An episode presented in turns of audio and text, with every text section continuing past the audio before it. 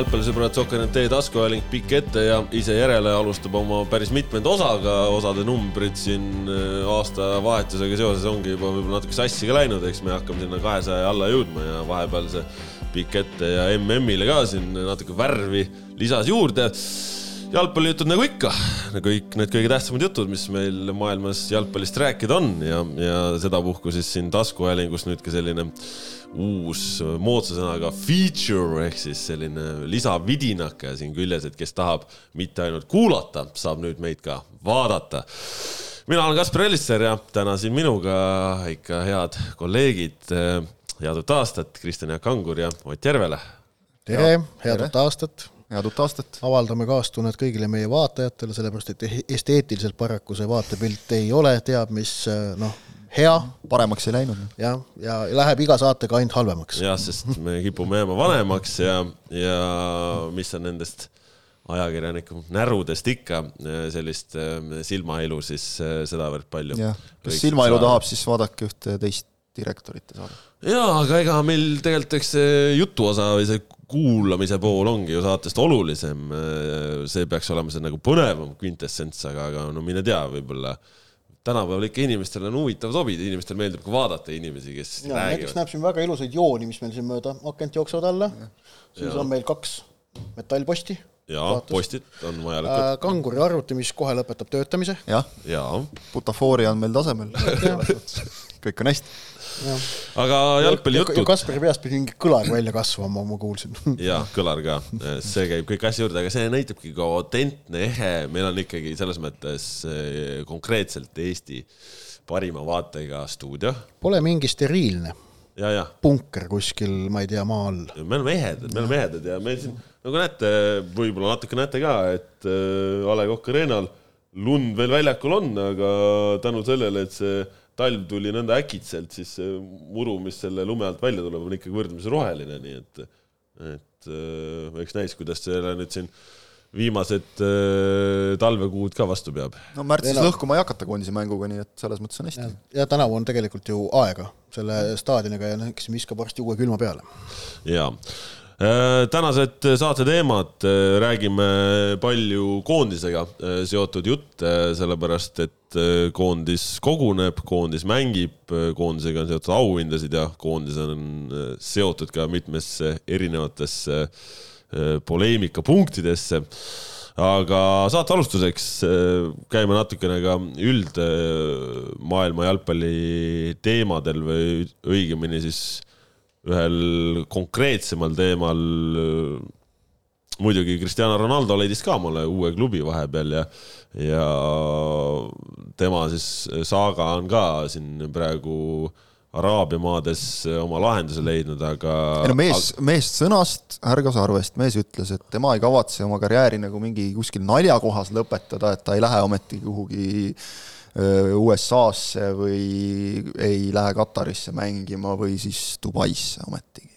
no jah, ei läinud ka.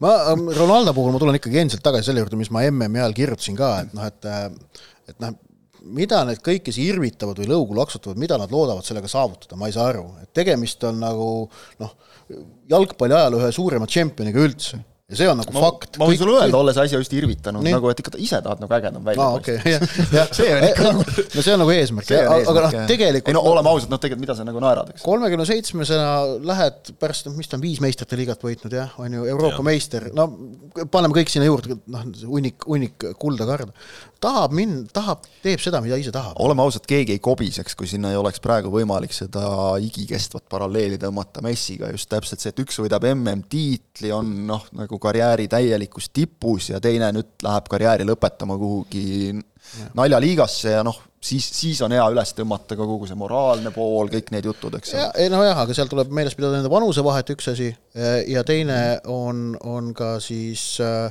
ja, ja, ja teine siis see, et, et noh, et öeldakse, et Ronaldo läheb sinna raha pärast, no inimesed lähevadki tööle raha pärast, et kui, kui nagu leidub keegi loll, kes on nõus maksma Ronaldole hooaja eest kakssada miljonit, siis noh, las ta võtab vastu selle, kui ta tahab. keegi ütles nagu hästi, et oota, mees on jõudnud oma karjääriga sellesse punkti, et keegi on nõus talle praegu sellist raha maksma, et mis selles nagu halba on? jah, no okei okay,, see kõik muidugi on seotud ka sellega, et Saudi Araabia äh, ja Katar, oleme ausad, ega seal erilist vahet ei ole, noh, peaaegu mitte mingit ei ole. Saudi Araabia vist isegi vaatad, noh, karmim peaks olema. veidikene isegi ütleme, eetiliselt küsitavam koht kui nad, Katar nagu üritavad veelgi. vähem nägusid teha isegi, need nagu on uhked selle üle, et nad on sellised, nagu nad on. no üks spordipesu on ta kõik selles. jah, aga et noh, ega tippjalgpallurite sealkandis töötamine ei ole ju mitte midagi uut, et, et Xavi Hernandez töötas pikalt äh, Kataris no tõsi, treen-, alguses mängija, hiljem treenerina, noh. keegi nagu ei löönud lokku eriti ja. selle üle. et äh, see, see Ronaldo, nagu... Ronaldo saab praegu selle tõttu, et Messi on kõrvale pannud kui, kui seda ei oleks, siis ma ei usu, et sellest nagu välja tehtakse. vaata, Ronaldo ja Messi on läbi oma terve karjääri tegelikult teineteisest tõukunud. See on paratamatu äh,. praegu ma arvan, Ronaldo saab paljuski praegu sellepärast, mis oli see intervjuu, et, et see nagu ei, see ka muidugi jaa, et, et noh, oleks ta selle tege-, no, kõvatamised tegemata jätnud, oleks kindlasti kergem nagu. see, et Ronaldol kärssas, kärssas kõvaketas läbi siin nüüd sügisel, ega see on, see on fakt. ja, ja, ja see ka, et ta ikkagi Euroopa tippjalgpallis enam sõna sekka öelda ei suutnud, et ta ei leidnud tegelikult Euroopa tippjalgpallis klubi, kes oleks tahtnud teda enda ridadesse ja see kahtlemata teda, ütleme siis ma usun, see emotsionaalselt haavas kindlasti. oleks saanud, oleks tahtnud enda ridadesse temale sobivatel tingimustel. jah, see on oluline. ma usun, et nii mõnigi oleks võtnud, kui ta ei oleks nii palju palka küsinud ma, ma ei ole palga osas kindel, ma arvan, seal on või pigem nagu roll võistkonnas on see, et noh, et et see ikkagi sügis Unitedis näitas ära, et äh, dünaamilist jalgpalli Ronaldoga mängida on päris, päris keeruline. ta noh, et, et see oli tema jaoks pauk, siis ta kaotas ka Portugali koondises oma põhikoosseisu koha tegelikult ikkagi MM-i otsustavateks mängudeks. ka see oli talle pauk, et noh, tal on, tal on keeruline sügis selja taga, tal kärssas esimene kõvaketas läbi jah, siis kui ta seal Piers Morganile intervjuu andis ja noh, nüüd eks see Saudi Araabiasse minek, ma arvan, see on natukene selline reaktsioon ka kõigele sellele noh, ütleme ausalt välja, vihkamisele, mis ta on saanud siin viimasel ajal. ja, et ta läheb kohta, kus ta saab kindlasti väga palju positiivset tähelepanu, kus ta tõstetakse üles nii-öelda. Jah, no aga samas sa nagu ei pääse selles suhtes, et mis iganes praegu ei tule meelde, mis see rivaalklubi oli Al Nasril, kes hakkas selle peale nagu oma särke müüma, kus on Messi on siis selja peal, oma klubi poes, et selles mõttes nagu ei, ei pääse oma saatusest, ma just pidasin silmas seda, et jah, vaata nüüd sel, noh, talvel oli nüüd juba, nüüd, nüüd selles üleminekuaknas oli selge, et ka mänguliselt teda ei taheta, aga suvel, ma arvan, oleks veel tahetud siis ei olnud ja, seda Chelsea Unitedi ta, sügist, jaa, Chelsea tahtis, siis ei olnud seda Unitedi sügist veel olnud, et oli, kus sa näed, et nagu mäng ei vea välja. ta oli eelmisel hooajal Unitedi parim väravkutt. jah, paarkümmend väravat ikkagi, eks ole, et noh, ta nagu siis selle pealt oleks veel võetud, nüüd jah, ilmselt enam mitte. võimalik, et äkki suurim etteheide Fernando Santosel on see, et ta Ronaldo veerandfinaalis väljakule vahetas. ilma Ronaldota toimis Portugali mäng paremini, kui Ronaldo tuli, muutus Portugali mäng jäigemaks, ühekülgsemaks ja seetõttu äkki ei saadudki Maroko vastu viigiväravad kätte jah, eks jõuab siin selle üle spekuleerida, igatahes Cristiano Ronaldo kahtlemata üks äh, suurkujudest äh, maailma jalgpallis ja ja üks suurkuju lahkus äh, möödunud aasta viimastel päevadel Pele, Brasiilia jalgpallivalur suri siis kaheksakümne kahe aastaselt kolmekordne MM-i võitja tuhat üheksasada viiskümmend kaheksa, tuhat üheksasada kuuskümmend kaks ja tuhat üheksasada seitsekümmend no kui MM-i järel äh, oli järsku kits Lionel Messi kõikide aegade kõige parem, siis nüüd äh, Pele lahkumise järel no ikka olid need Messi jutud mööda läinud ja unustatud ja ikkagi Pele tõsteti jälle esile.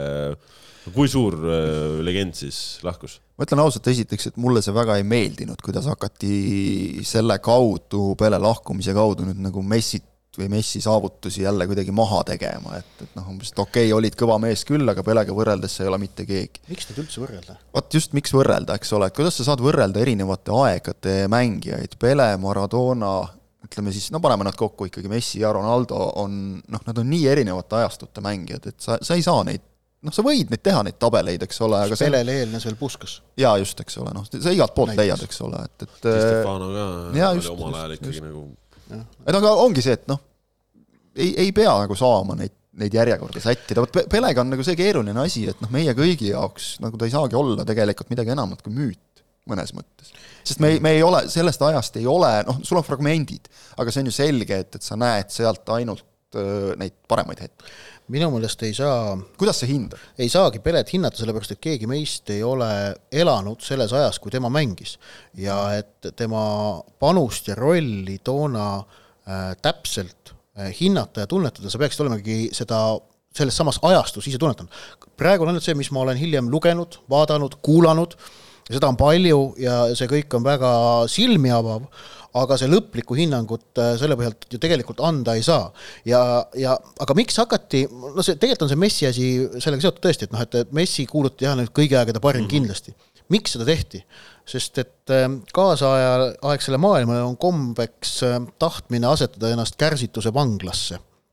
ehk et äh, kui me, kui, kui kuulutada Messi kõigi aegade parimaks, siis on ju uhke värk, sellepärast et siis sa saad kinnitada iseendale, et sa oled kõigi aegade parimat ikkagi näinud siinsamas just praegu mm. -hmm. ja, ja äh, just nimelt kärsituse vanglas on sellepärast, et äh, ei taha sellest mitte mingil juhul ilma jääda, sellepärast oled sa kärsitu, sellepärast sa tahad seda teha. tegelikult Messi panuse äh, selline ajalooline hindamine ei saa aset leida ennem kui umbes kümme aastat pärast tema karjääri lõppu, siis hakkab esimene faas ja see hakkab edaspidi pidevalt küpsema. näiteks kui me võrdleme Pele ja Cruyffi pärandeid praegu, äh, siis need on eri, erinevad. väga erinevad. jaa, aga näiteks kui me võtame selle järgi, kes on jalgpallur, kes on mõjutanud kaasaegset jalgpalli, seda, mida väljakul mängitakse kõige rohkem, on see Juhan Cruyff kelle ideed, kelle põhimõtted on tegelikult läbi Hispaania koolkonna praeguseks noh, üle, üle terve Euroopa tippjalgpalli ennast laiali jaotanud. tõsi, samas võib juhtuda, et mõne aja pärast need taanduvad, aga praegu on selgelt ju, ju see Cruyffi mõju ikkagi olemas. aga aga Pele puhul me peame rääkima ka sellest jah, et ta oli ikkagi kultuuriline fenomen ja ta oli ka äh,, ta, ta oli jalgpallur, keda tegelikult äh, kes äh, sai suureks läbi lugude mitte läbi selle, kuidas teda nähti. sellepärast, et esimene mm, kus Pelet normaalselt sai mängimas näha, oligi see tuhat üheksasada seitsekümmend. ma kuulasin paari podcast'i Pele lahkumise järel ja seal toodi välja tõesti, et et viiskümmend kaheksa ja kuuskümmend kaks sealt, sealt ma ei tea, kas sealt teleülekandeid tehti ja kuuekümne kuuendalt juba küll tehti, aga esiteks nad olid kindlasti mustvalged ja pigem nad olid salvestused ja noh, mingid fragmendid. Ja, ja enamik Pele suuri mänge, mis ta tegi Santose eest.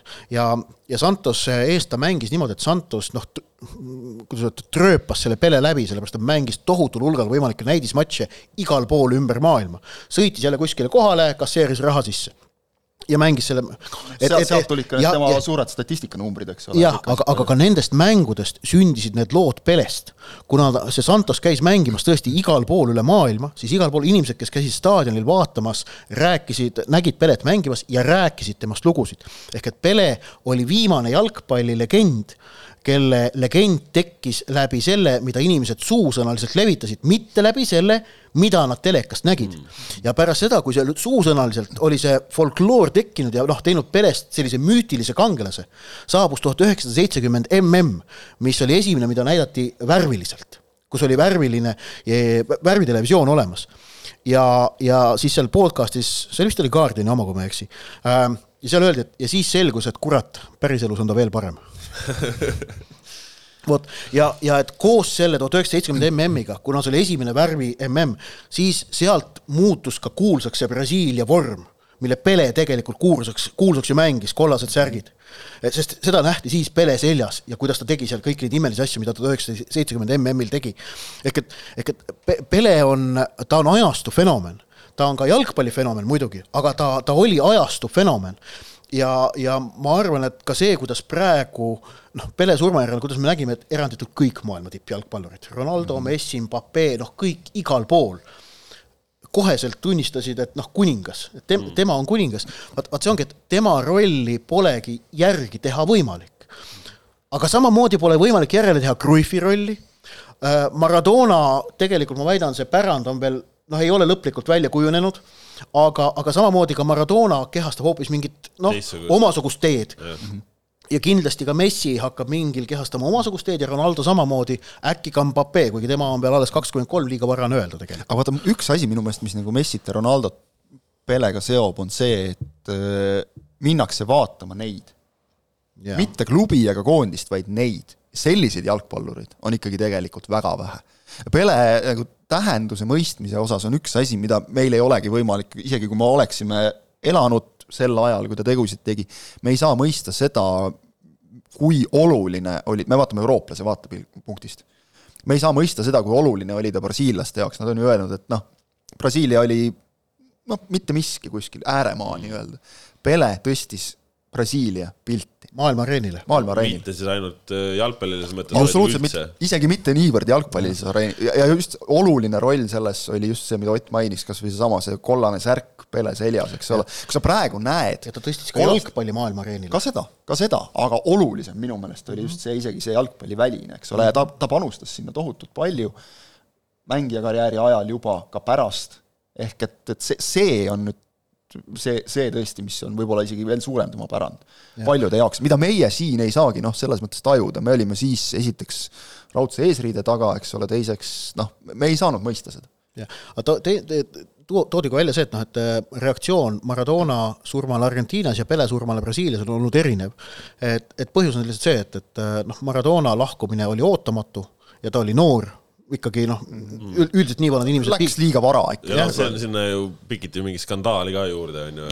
nojah, aga see šokeeris, noh, Pele lahkumine praegu ei šokeerinud, oli teada, et tal on väga kehv tervis no see, kui Brasiilia meeskond pärast kaheksandikfinaalis Lõuna-Korea üle saavutatud võitu ju selle bänneri seal murul lahti rullis, siis äh, kui ma seda nägin, siis ma mõtlesin küll, et, et äh, et selle MM-i keskseks sündmuseks võib veel saada Pele surm. et, et noh, kui, kui, kui juhtub see MM-i ajal, siis, siis nii on õnneks äh, ma arvan, see on, ma arvan, noh, see loll on öelda, no ühesõnaga ei juhtunud.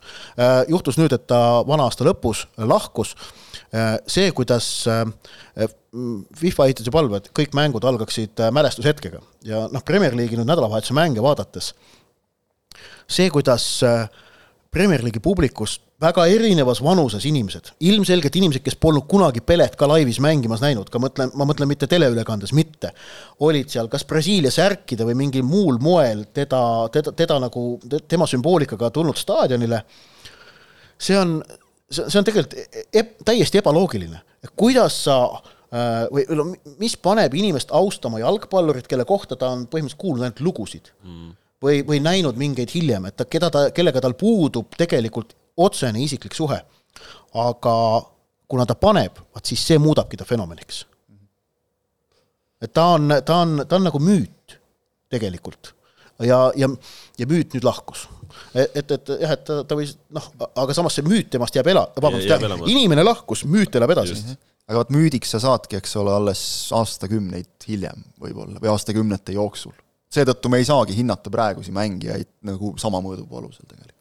jah no vot, äh, nii palju siis, äh, siis äh, nendest ja temast. see on selline jalgpallifilosoofia rubriik siia uue aasta algatuseks. jaa, ma arvan, see sobis siia, siia, siia kenasti, et, et noh, Pele on üks suurtest ja ta jääb üheks suurteks, ükskõik, on ta siis elavate kirjas või mitte, et ja, ja ma soovitan, kel, kel nagu huvi on, siis kindlasti otsige välismaisest jalgpalliajakirjandusest ka materjali ja käsitlusi selle, selle kohta, et, et tegelikult kahtlemata äh, legendi lahkumine alati toob kaasa ka tema, tema pärandi mõtestamist, äh, noh, neid tuleb ka hiljem, ilmselt tuleb, hakkavad tulema mingid sünni- ja surma-aastapäevad, siis tehakse seda veel ja veel, aga praegu on päris palju väga huvitavat materjali, mis avab silmi nat-, noh, päris palju sellesse, milline oli äh, nii äh, rahvusvaheline jalgpall kui üldse jalgpall ajal, kui Pele seda mängis.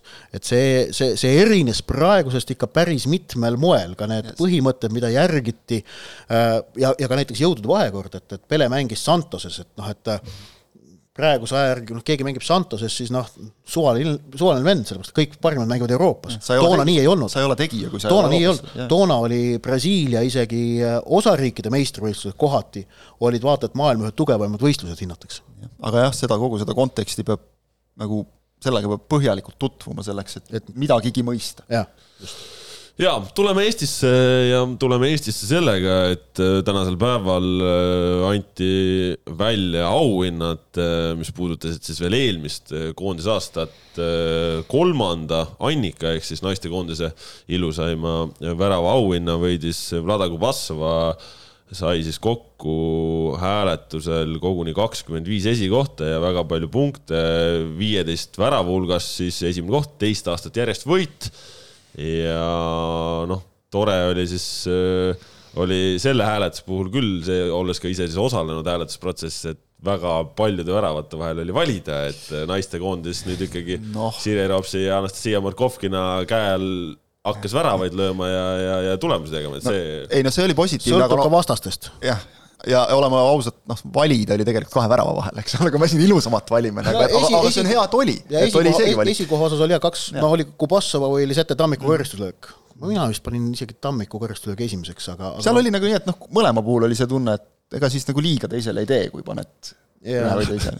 ja, ei aga okei. jah, et väravaid õnneks äh, naiskond lõi rohkem kui eelmistel aastatel, tõsi, toona oli ka kalender hõredam ja noh, vastased olid tugevamad. no aga No, tuleb jaa,, aga- tuleb lüüa, eks ole, ükskõik millised seal olid paljud, mille kohta võib ju öelda, et noh, see tap-in, eks ole, et lükkad sisse, aga selleni, et sinna jõuda, peab ju mingi hea kombinatsioon olema või nagu tuleb vastased üle joosta, üle mängida kuidagi, et siis keegi paneb lõpuks palli no võrku, ma, ma, ju ma ütleks selles mõttes vahepeal, kui nagu naistekoondis oli siukses nagu mustas masenduses sisuliselt öö, oma sellega, et tulemusi ei olnud ja, ja mängupilti ka ei olnud, siis see aasta oli nagu ja naiste jalgpalli selline öö, ellu äratav, sest noh, omal ajal ju naistekoondis oli ka Baltikumis oligi kõige kõvem öö, sats ja, ei no selgelt nagu vägevalt on ju. teine hingamine no,, ülesmäge minek, noh. no pärast seda null, null üheksa kaotust A Le Coq Arena'l Prantsusmaale, viis mängu, millest neli võitu ja üks viik, noh, kõigis ka värav löödud. Balti turniiri võit ka. jah, noh, selles eas Balti turniiri võit just, et, et ma arvan, see on see positiivne seeria, mis vaatad nagu vastaseid, sul on seal ees, eks ole, et no noh, Kasahstan, päris- Leedu, Fäärid, Montenegro, Montenegro, jah. päris kääbused nagu ka ei ole, aga noh, see on meie tase praegu, eks ole. jah, aga, aga, aga ütleme, neid tuleb ka võita ja ei ole õnnestunud ju varasematel aastatel see sugugi nii kergesti, Mhm. et äh, üldine selline tunne on nagu positiivne, et noh, mängime ja küll tuleb. Et mi- mida nagu karta või põdeda, eks ole. sam-, no ma, ma siin ütlen, et mängime küll nagu tuleb, no ei pruugi tulla küll, sellepärast et jätkuvalt naiste jalgpall on nii Euroopas kui maailmas kõige kiiremini arenev võistkondlik, võistkondlik pallimäng. seda loomulikult, ma räägin, ma räägin nagu su suhtumisest praegu selles suhtes, vahepeal oli selline noh, nagu mindi väljakule ka nii, et ega täna ei tule, no siis ei tule nojah, siis nagu kindlasti. mis tähendab seda, et, et Euroopa äh, parimatega Eesti tegelikult mitte ei tee vahet tagasi, vaid proovib, et see suuremaks ei käriseks. no ei, seda niikuinii, noh, see on selge. aga ka teise ešeloniga äkki on, on võimalik paremini, ehk et äh, seal noh, Kesk- ja Ida-Euroopa riikidega äkki seal sees oleks võimalik oma positsiooni veidikene parandada, aga Lääne-Euroopa läheb jätkuvalt eest ära. jah, no eks see ongi selles mõttes äh, nagu selles väga jõhkras konkurentsis tegelikult, mis ütleme, et äh, noh, naiste jalgpalli puhul on praegu näha ka, et, et kui keegi on võtnud nagu väga äh, sügavalt plaaniks seda asja arendada, siis need edusammud tulevad üpris ruttu. ehk siis äh, selles konkurentsis noh, nüüd ikkagi ongi, et, et noh, ei olnud nagu, ütleme siis noh, ei olnud nagu piinlik enam äh, koondise pärast, et vahepeal noh, sa vaatad ja noh, see on nagu õnnetus, sul ei ole aasta peale sisuliselt ei ole väravaid, sul ei ole tulemusi, sul ei ole mitte midagi, et nüüd pole seda muret, et äh, nagu noh, jaa, me oleme väike riik, üks koma kolm miljonit inimest, naisi, ei mängi väga palju veel jalgpalli, kuigi üha enam, on ju, et äh, et see on nagu mingisugune positiivse raja algus äh, või noh, vähemalt nii tundub. no tee otsa nagu leidsime Jah, üles vist just, vähemalt jälle, eks ole, kuigi jah, see, et noh, tööd on nagu tohutult palju vaja teha, et, et oleks vastavad tingimused ja asjad ka, et võtame tõesti kõige selline ilmekam näide on see, et mis oli nüüd teine kord, oli vist Tartus peetud mängus, kus nagu naistel on ka koondise mängudes nagu särkide seljal nimed, eks ole, me oleme rääkinud sellest, et väike asi, aga nende jaoks nagu suur asi, et, et noh, seal on, on arenguruumi veel kindlasti, aga vähemalt jah, mingi teeots on üles leitud. erinevad professionaalsuse aspektid käivad ja tulevad käsikäes siiski mm. -hmm. jah, kindlasti. ehk et, et, et, et noh, et, et nõuda midagi, tuleb just,, tuleb just, ise just, just., just nimelt, ennem tuleb ise panustada ja siis saab midagi nõuda. profisport toimib igal pool selles mõttes samamoodi. ennem pead ise panustama Jaa., tegema töö ja siis saab midagi küsida ja siis kas antakse või ei anta. Sõltuvalt sellest, kuidas on aga, aga mulle tundubki, et noh, nagu sellest on aru saadud. jah, no selles mõttes küll, et ega kui sa ütleme, kui sa teed nädalas kolm trenni, et siis on nagu võib-olla natuke narr küsida, et, et miks ma palka ei saa ja, ja nii seda onju, ei- et et aga noh, ma nagu minu meelest nagu näeks samme nagu Jaa, selles jaa, suunas, absoluutselt. selles mõttes on hästi. absoluutselt. aga Annika kõrval anti välja ka hõbepall ja kui nüüd äh, lugemine sassi ei läinud, siis juba oma seitsmenda koondise aasta ilusaima ole, värava kas see ole mitte kuues pluss kahekümne aasta oma? see oli kuus pluss üks äkki koos teil? ootame, no ma nagu loeks Kasper, praegu kunis Kasper vaatab, mul tuli praegu praegu meelde kokku, oota vaatame, meie vaatame., meie viimane see uduse Albioni osa, et kus sa ütlesid just, et kas Kasemirol Ei. ja mõnel mehel seal lähevad nagu meistrite liigade sassi ei,, meil lähevad aidake- lõbepallide jaa tema-, ikka seits-, jaa, seitsme. loe nüüd- loe nüüd ise kokku. Põhja-Iirimaa Poola, Holland, ma loen vastaseid, kellele nad on Gibraltar, Põhja-Iirimaa uuesti ja Põhja-Iirimaa uuesti ja ja nüüd jah, seitsmes jah. nüüd siis ja seitsmes. pluss tal on veel see, et vaata, kui oli kakskümmend aastat hõbepalli välja antud, siis, või kakskümmend viis, vabandust, vist oli kakskümmend viis. kas me tegime kaks tuhat kakskümmend see või, ei, või oli kakskümmend ikkagi? kakskümmend vist ikka jah. jah, et siis valiti ka kahekümne esimese hõbepalli seast parim ja siis ta võitis selle ka, võitis ta Hollandile löödud väravaga. jaa, aga seitse pluss üks siis jah. ühesõnaga nüüd siis ma ütleks selle kohta, et Kanter võib võileibu teha. tal oli nüüd viis Kristjanit ainult. Ja ühe pidi ka ise kodus tegema selleks, et oleks viis tükki täis nagu. nüüd siis äh, Maltal löödud väravaga sada kakskümmend seitse punkti, kaheksateist esikohta edestas siis Rauno Sappineni väravat äh, San Marinol, mis sai sada neliteist punkti, kaheksa esikohta. no ilus värav äh, kasti tagant. no välisküljega ikka ju. oli ju välisküljega. pealsegi ei löönud no seda. peal, peal No,, pealse pealse- välimise küljega ma ütleksin. ei no see, see, see, selle löögi parim, ma arvan, nüanss oli see nahaalsus.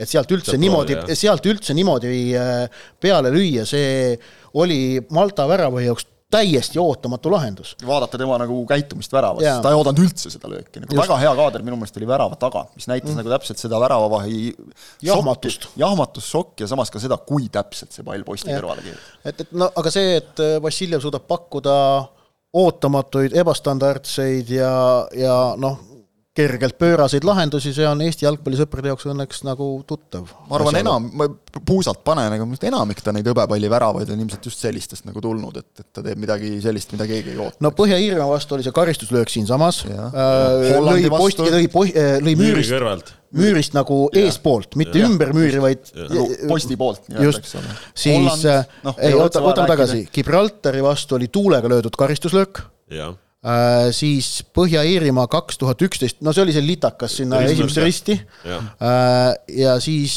tuli, ah sorry, Hollandi vastu oli jah, see Lindbergi söödust hiilgav, Poola vastu oli ka karistuslöök siia väravasse. Ja Armeenia vastu oli kauglöök. oota, ma mõtlen, kas ta on äh, Armeenia vastu oli vasaku jalaga. mitte ükski hõbepall Kostja nagu- seitsmest hõbepallist mitte ükski pole tulnud karistusala seest. Äh, kas see tõste Hollandi üle oli? Ai, see oli, see võis olla, jah, see oli jah, napilt. sorry, jah, jah. see ei loe. see oli lihtsalt liiga hea. igatahes äh, aga ka meestekoondis lõi äh, tegelikult jah, korraliku arvu väravaid, ma ütlen selle, selle, selle mängude aasta kohta ja ja oli ka see selles mõttes hea, et, et väravaid lõid erinevad mängijad mm. -hmm. ja, ja see, see oli tore ja Sergei Zenjov tuleb, kui me väravate seda arvu ja ka kvaliteeti vaatame, et noh, ma arvan, et, et, et see, et Kostja, Anier ja Zappinen löövad, see väga ei üllata, aga et Sergei Zenjov meenutas jätkuvalt, et ta on endiselt Eesti üks ohtlikumaid jalgpallureid Eesti koondise. ja noh, nagu ta ise on öelnud, et siis äh, vanuses hakkab, oskab ka peaga mängida.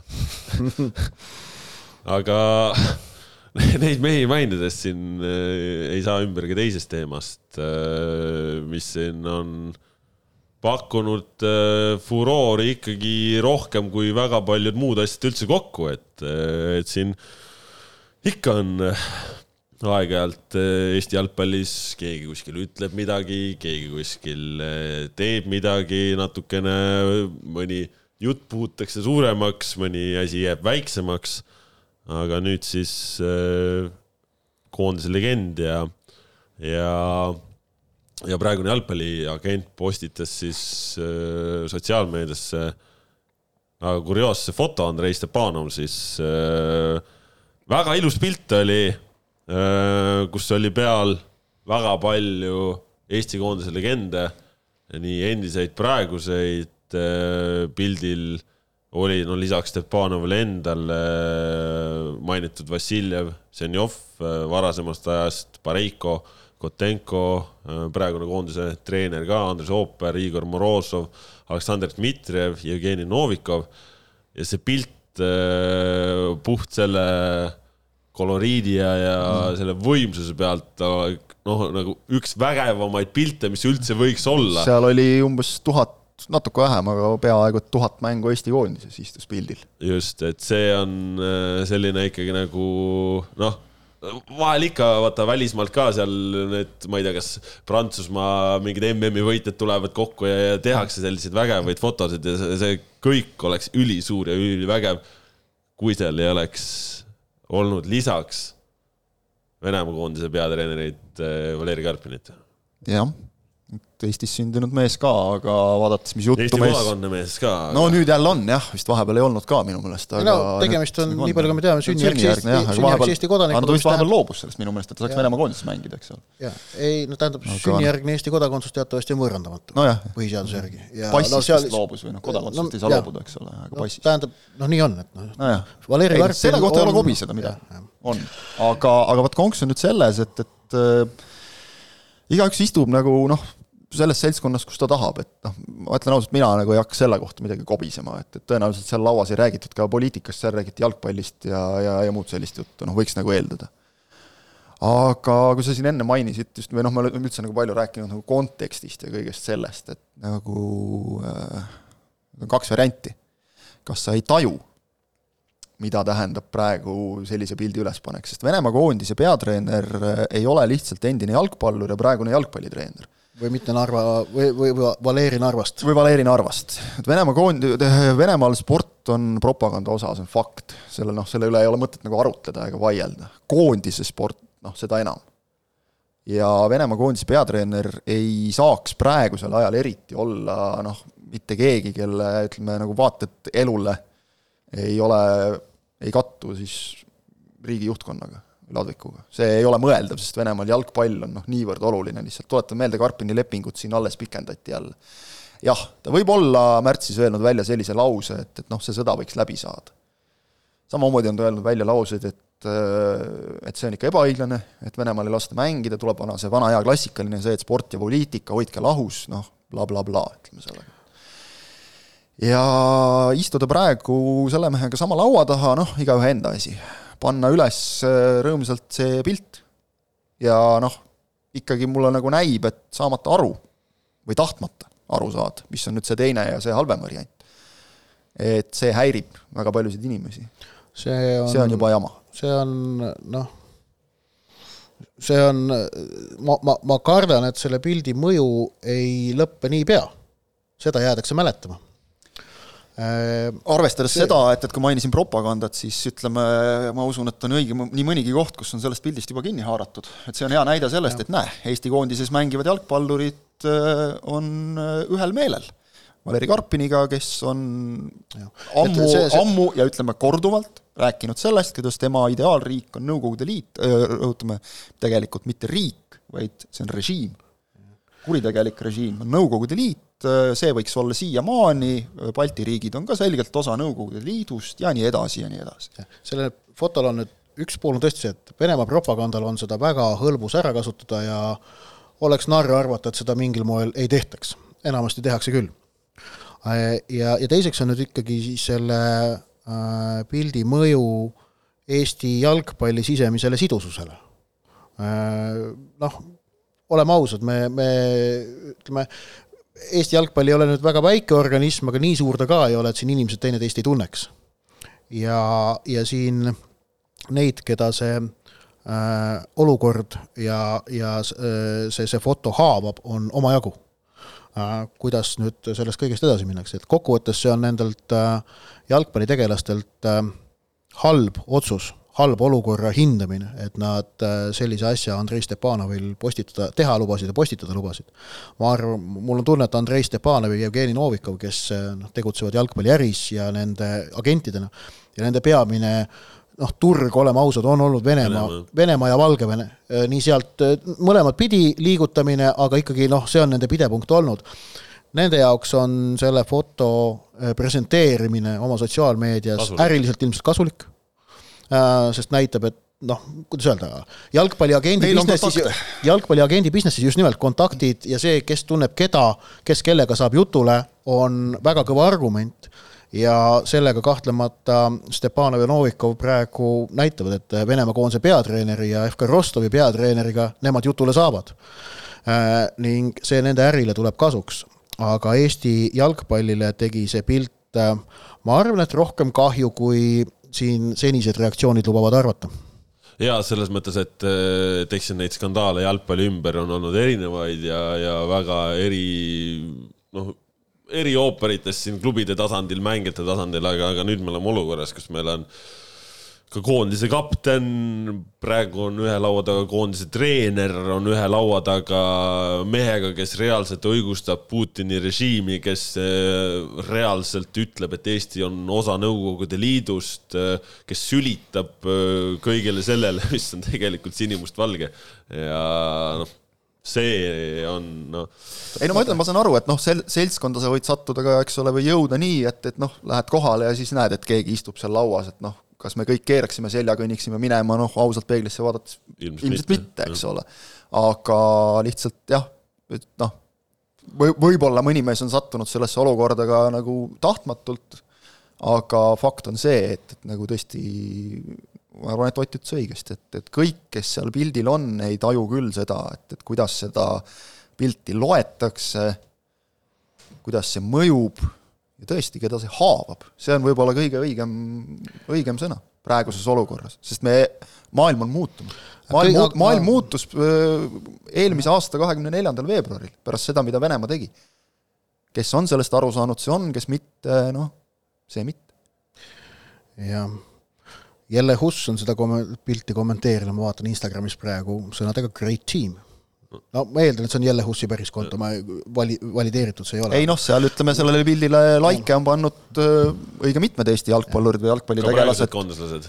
ka praegused koondislased ja noh, ma saan aru, nemad laigivad seda, et sõbrad istuvad. aga vot see ongi nüüd see koht, eks ole, et, et ma ei, ei ole nagu minu asi praegu minna siin tampima kedagi selle eest, aga mõelge, enne kui panete sellisele asjale laigi. et ma saan aru, et, et seda on väga noh, sportlastel on ju see, et äh, noh, see tiimivaim, kambavaim, see, see ju kannab meeskonnaspordis kõige rohkem, eks ole. et selle pealt on väga kerge nagu tõmmata joon vahele, et just, et meie ei istunud laua taga mitte Putinit pooldava Karpiniga, Venemaa peatreeneriga, vaid oli Valeri Narvast. aga neid kahte ei saa niimoodi kahjuks hoida lahus no tänasel päeval ei saa jah, selles mõttes äh, noh, see ongi nagu pläss lugu, et ongi inimlikult võib-olla kunagi olete aga koos mänginud ja, ja võib-olla noh, ongi, ütleme, et see poliitikast ei räägi, siis ongi nagu muidu täitsa normaalne klemm ja, ja tore kutt ja teeb nalja ja. ei no ma arvan, et meil kõigil on, ütleme ka neid, kes noh, on meile risti vastupidiste poliitiliste vaadetega nagu Eesti-siseselt, eks ole, aga see ei takista meil ühises õllelauas istumist, eks ole. et noh, selles mõttes alati võib nagu öelda ka, et näed, silmakirjalikku juttu ajate siin. aga Vaata, nemad, nemad on Eesti koondise jalgpallurid, sellega kaasneb natukene no, teistsugune, natukene teistsugune roll ühiskonnas. jah, ja sõda äh, Ukraina vastu, mille äh, värdjalik Venemaa on alustanud, see on ületanud väga palju, no see, see ületas mingid jooned, mida enne seda polnud ületatud. ja, ja see on see, millest spordis osad inimesed jätkuvalt aru ei saa. Kaia Kanepi ei saa aru äh,, Toomas Bach ei saa aru, Gianni Infantino ei saa aru äh,, meie mina, mina saan väga selgelt aru, mul on äh,, mul tekivad peas paralleelid lugudega, mida minu vanavanemad on mulle rääkinud Teise maailmasõja ajal juhtunust, sellega, mis praegu toimub Ukrainas. see on äh, sama äh, värdjalik mentaliteet, mis teostab seal kuritegusid, mis on üle rullinud ka Eestist ja Eesti pea igale perele, noh, ma arvan, igal perel on oma lugu olemas, mis paraku, jah, et et eh, vot need paralleelid meil peas on ja need ei kao sealt. Need ei kao ja, ja nüüd noh, ongi üks asi on, on see, et oleks seal siis olnud tõesti ainult eh, noh, endised jalgpallurid, et, et eh, jah, selles mõttes ju no sa saad aru ka, et, et, et see seltskond, kes seal koos oli, noh, emakeelena räägivad vene keelt ja nagu ega nagu see, et inimene on äh, kas siis rahvusest venelane, räägib vene keelt, see ei ole ju nagu see paha puutu... või neid inimesi ei, ei, ei puutu... pea tühistama. see ei puutu asjasse. see ei, see ei, see ei puutu nagu asjasse aga.... seal, seal võiks olla läbinisti eestlased, kõik. ja me vaataks sellele asjale samamoodi et, et, et see mure, mure on jah lihtsalt sellega, et, et, et mis hetkel ja kuidas sa nagu avalikus äh, ruumis esined just tunnetades omaenda rolli vot see rolli tunnetamine, ma arvan, see on, ütleme Eestis, kui, kus kõik on kõigiga tuttavad, noh, see, see võib nagu vahel natukene kuidagi kaduda, et kui palju sa nagu oled noh, avalikkusele tõesti eeskujuks. ja, ja see, see ikkagi noh, see, see toimib meil samamoodi, sama, samasuguse loogika järgi, nagu ta mujal toimib. vahel võib nagu jääda mulje, et noh, meil ei ole nagu nii sügavat seda jalgpallikultuuri, et see jalgpall ei ole nii suur osa muust kultuurist ja, ja muust elust, aga ta on sellega tuleb arvestada. jah, see ongi, et noh, tänasel päeval äh, nii nagu on koondisest äh, välja jäetud siis teistes riikides mängijaid, kes on siirdunud Venemaale mängima näiteks, äh, siis noh, samamoodi noh, praegusel ajal Venemaaga koostöö tegemine, nende toetamine, noh, see ei ole ühestki küljest no, aktsepteeritav toome lihtsa näite, toome lihtsa näite, kui kas needsamad äh, Stepanov Novikov või, või ükskõik kes kolmas mõne Eesti jalgpalluri, Eestis mängiva jalgpalluri viiks praegu Venemaa liigasse. mismoodi ta siis käituks? ükskõik, noh, oled, noh, tähendab, esiteks selle jalgpalluri jaoks äh, ma nõuaks, et Eesti koondise uks oleks igavesti suletud, kes praegu läheks Venemaale mängima küsimust ka ei mm. oleks see on väärtusküsimus.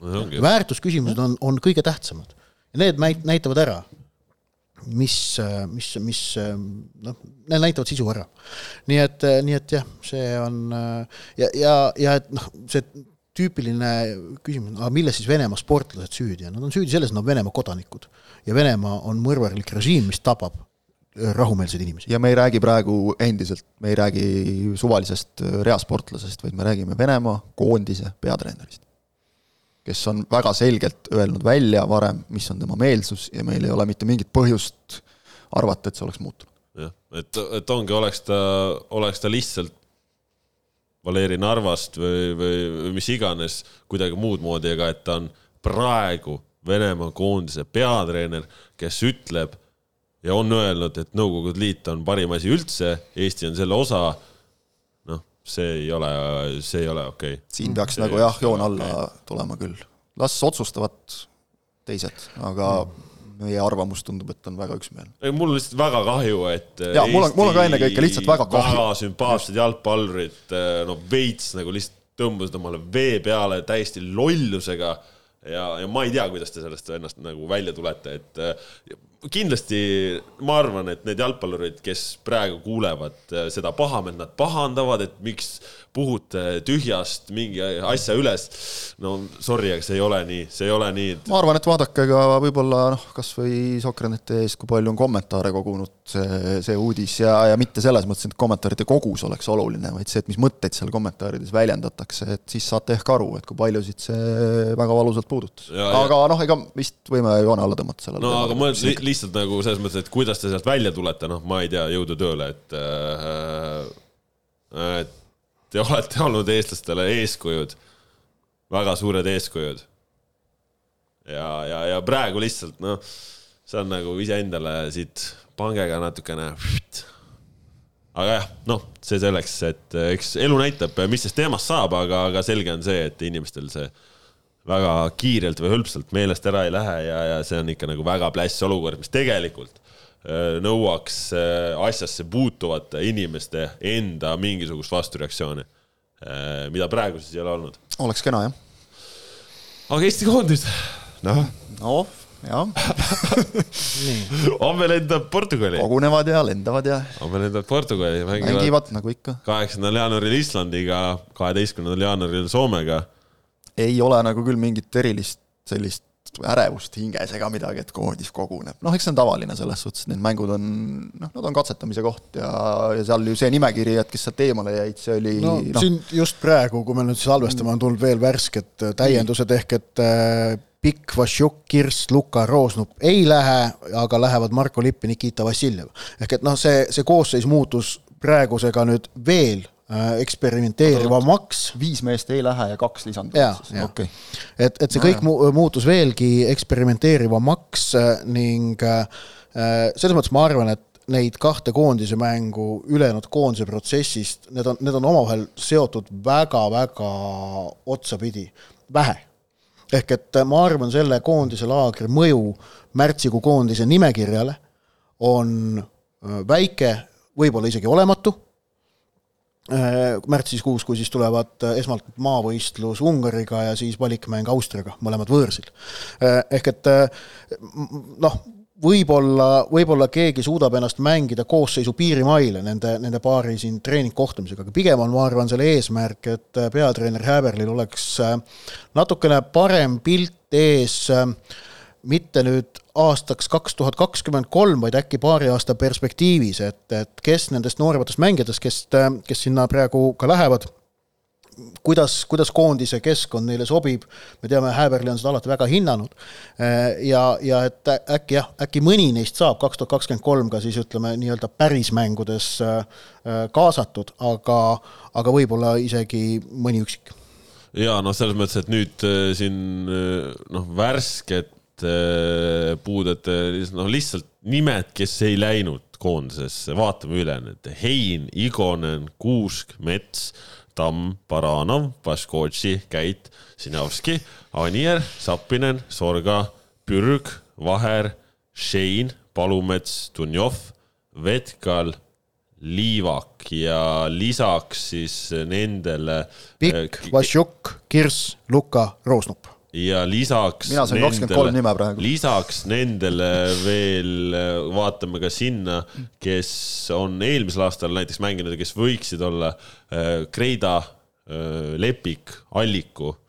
Äh, no ja koondises eelmisel aastal noh, Puri käis ka operatsioonil onju mm -hmm. ja lisaks ju eelmisel aastal tegelikult mängisid ka veel Klaavan ja Aksalu ka Eesti rahvuskoondisest no, no siit tuleb pea kolmkümmend juba, eks ole, aga ma sain nagu praegu neid nagu reaalseid nii-öelda eemalejääjad, kellest on teavitatud kakskümmend kolm, kui ma nüüd õigesti siin su jutu kõrvalt lugesin kiirelt. mis teatavasti on ühe mängu koosseis. mis on teatavasti ühe mängu koosseis, noh, võtame sealt, eks ole, sellised mehed võib-olla nagu ütleme no., Vetkal Vaher, kes on noh, väikese avansina, eks ole, aga sa saad siit ikkagi paarkümmend nime, et, et siit ei jäägi nagu eriti, arvestades, et praeguses koondises on, eks ole, seesama äh, Vassiljev, Tõniste no koondise põhimeestest äh, äh sõidavad, sõidavad äh, sinna laagrisse äh, Tõniste, Kallaste Vassiljev, Zenjov, Ojamaa, no Miller, Soomets ka on üldiselt ikkagi noh no, on, on no, mänginud. Soometsa võib küll nagu kindlasti lugeda, eks ju, Milleri ka, noh seitse. seitse, jah. jah, et kui sa paned nüüd need seitse pluss siis see kakskümmend kolm, see on nüüd kolmekümnemeheline ring, noh alati on keegi vigastatud, keegi mingis alavormis, eks ole,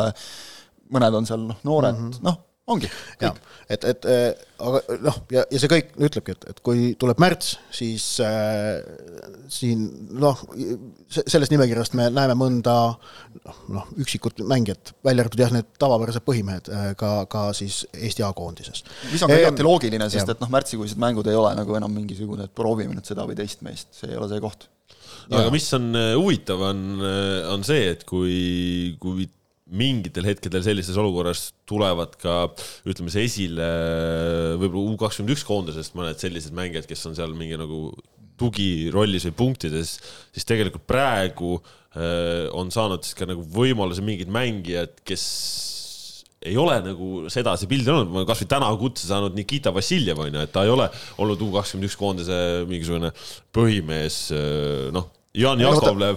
vaata, ütleme Jakovleviga on nagu näiteks no. hea, Jakovlev on hea lihtne näide, et neid U kakskümmend üks poisse, neid sa saad vaadata ka U kakskümmend üks koondises, suhelda treeneritega, eks ole, nad on protsessis sees kogu aeg, aga neid sa ei saa proovida kuskil mujal kui nüüd. Jakovlevi ma... näide on selles mõttes tore, et tema siis loobus Venemaa kodakondsusest, võttis Eesti kodakondsuse ja, ja näe, sai Eesti koondisesse. et äh, aga kui nüüd seda koosseisu vaadata, siis mul ausalt öelda huvitavam on minu jaoks näha seda, mida suudavad ründajad. ründamängijad no,. Uraksin, Tamm, Reinkord, Jakovlev, Jakovlev, Saarma, no Vassiljev, Nikita Vassiljev mitte nimega, aga just see viisik, Saarma, Jakovlev, Reinkord, äh, Alex Mattias Tamm, Danil Kuraksin.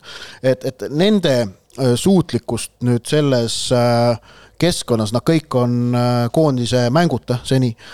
et seda on, seda on huvitav näha. vot see on ka huvitav, et lähevad nagu võrdselt võrdselt, võrdsest stardipunktist. nojah, jah, aga eks neil ole ka erinevad perspektiivid ja erinevad omadused, nad, nad ei ole väga, väga, no Reinkord, Tamm on muidugi ilmselt konkureerivad otseselt teineteisega, et võib-olla, võib-olla kuidagi mingitel tingimustel neljanda ründajana koondisesse mahtuda. noh, õnneks on meil kaks mängu, eks ole, nii et mõlemad saavad äh, näidata aga, aga kaitses on muidugi olukord hõre, ütleme niimoodi.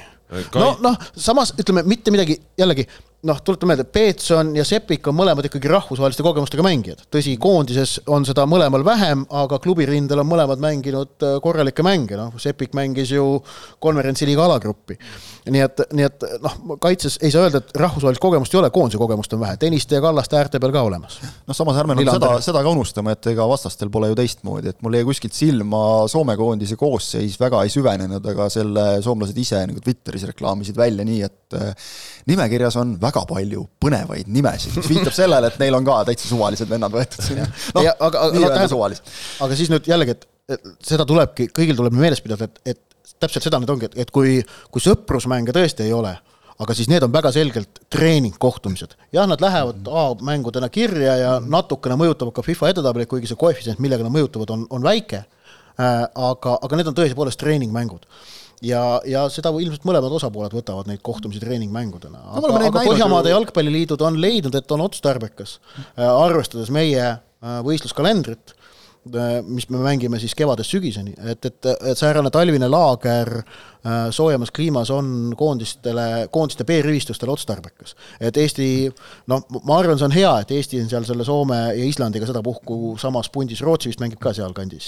üldiselt mängivad, jah ja. ja ma, ma küll ei mäleta, et nagu varasemate aastate sellistest kohtumistest nagu midagi halba oleks tulnud, et ei, ikka pigem kasu nagu. halba ei ole muidugi ja noh, selles mõttes ei ole nagu noh, tuleb mõista, milleks nad on, eks ole. kui sealt tulevad null neli ja null viis, et see ei ole mingi maailma lõpp. kusjuures ma arvan, et ei tule. ja, ja ma arvan ka, et ei tule, aga noh, et et jah, kui tuleb tõesti see noh. et need kohtumised ei tohiks nüüd olla kuidagi äh, mängud või tulemused, mille mis, mis nagu mõjutab mingit üldhinnangut, ma arvan, et see, see ei ole see koht. ma huviga vaatan seda, et vaata, muidu Häberli on nagu alati nendele noh, noorte nõudmisele ja kõigele muule vastanud seda, et, et minu põhimõte on see, et mängivad need, kes on parimad, et kuidas ta nüüd olukorra lahendab. ma arvan, et ta laheneb endast samamoodi jaa, aga noh, sul on kaks mängu, eks ole, et kas anda no, kõigile nagu, eks ole, kuidas ta, kuidas ta hindab kindlasti nagu. ta ei anna, kindlasti ta ei anna. minu jaoks on huvitav nagu, et kui palju, et, et et eh, noh, kindlasti mitte nii, et ühes mängus on üks algkoosseis, teises mängus teine algkoosseis selleks, et kõik mängida saaksid, see pole kindlasti põhimõte.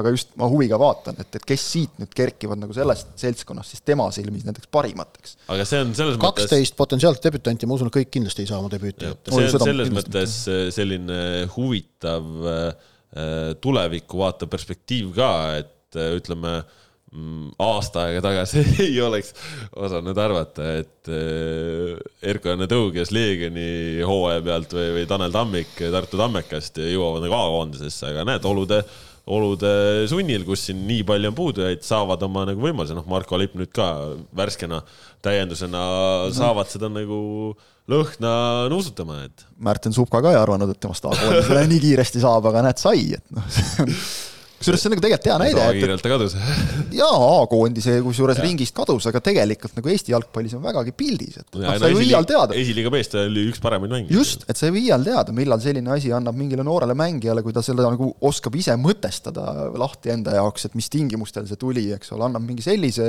süsti, et anna minna ja, ja noh, kui me veel vaatame põgusalt selle peale, et noh, kindlasti osadel kuulajatel võib-olla tekib küsima, aga miks siis nii palju neid vendasid eemale jääb ja, ja mis seal põhjused on, et noh, peamine põhjus on see, et tegemist ei ole rahvusvahelise ka kalendrikoondise aknaga, ehk siis kõik, kes mängivad välismaal, ei, ei saa sellepärast tulla. ei no ühelgi klubil ei ole kohustust mängida anda, Flora või Levadia võiks ka öelda, et unustage ära, aga noh, nad ei ole öelnud. jah, et äh, seal Jalgpalliliit lähenes niipidi, et kutsuti lausa neid klubide treenereid äh, omadega kaasa, et äh, et kes tahab, saab siis ka nagu tutvuda selle koondise töörütmiga ja nii, aga, aga aga noh, Eesti puhul oleks vist natuke imelik, et ka Eesti klubi nagu üritab Eesti koondist takistada. sa ei mäleta või? tea midagi. ei no Lõuna-Ameerika turneega täpselt nii oli ju. no see oli võib-olla või, või, teistsugune, teistsugune aeg, tähendab, on olnud juhtumeid, kui Eesti klubid ei luba mängijaid Eesti koondisesse ja,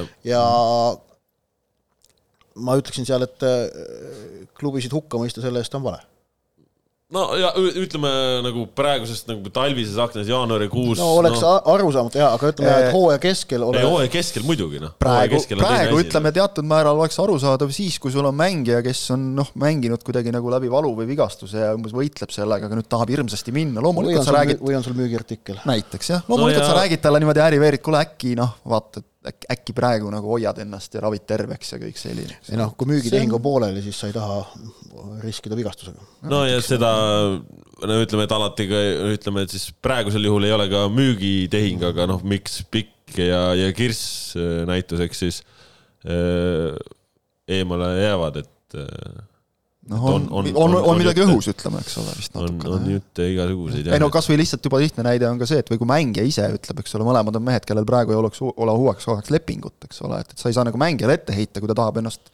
hoida, kui tal kuskil nagu susiseb nii-öelda, eks ole, samamoodi ei saa klubile ette heita, kui ta tahab oma mängijat hoida see on meil, me ei ole lihtsalt harjunud sellega, mujal maailmas on see täiesti tavaline asi, no tegelikult hea näide on, eks ole, see nagu noh, Ragnar Klavani näide, kus, kus me pidime ka kohanema sellega, et mängija, kes on endiselt tegevmängija, Eesti tipptasemel, aga koondisest jääb eemale, noh, kohe oli see küsimus, et kuidas, miks, kas nii kõlbab, mujal maailmas täiesti normaalne asi.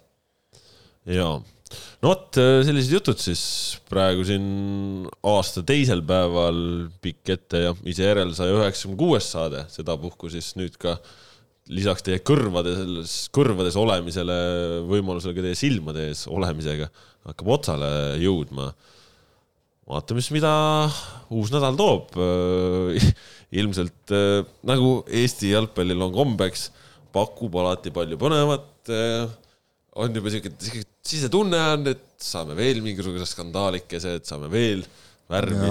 paar üleminekut vist tuleb, peaks ka tulema. üleminekuid loodame saada ja. no kui sa vaatad ja..., kas siin premium-liigas isegi müdistati veel jõulude ja, ja aastavahetuse vahel treenereid ja kõik, ma sain aru, ma sain aru, väljapoole ja, aga, aga et, et noh, ka premium-liigas juba toimub nagu, et siis koondise tasandil ammugi, eks. jah, et pühapäeval siis mängitakse Islandiga, uuel Just. nädalal kindlasti räägime juba sellest ka tänase saate teid teine Kaspar Elitser, Kristjan Kangur, Ott Järvela, aitäh, et olite meiega ja kuulake siis ikka pikk ette ja ise järele, et ja jälgige siis kogu olulist jalgpallist Sokanet eest.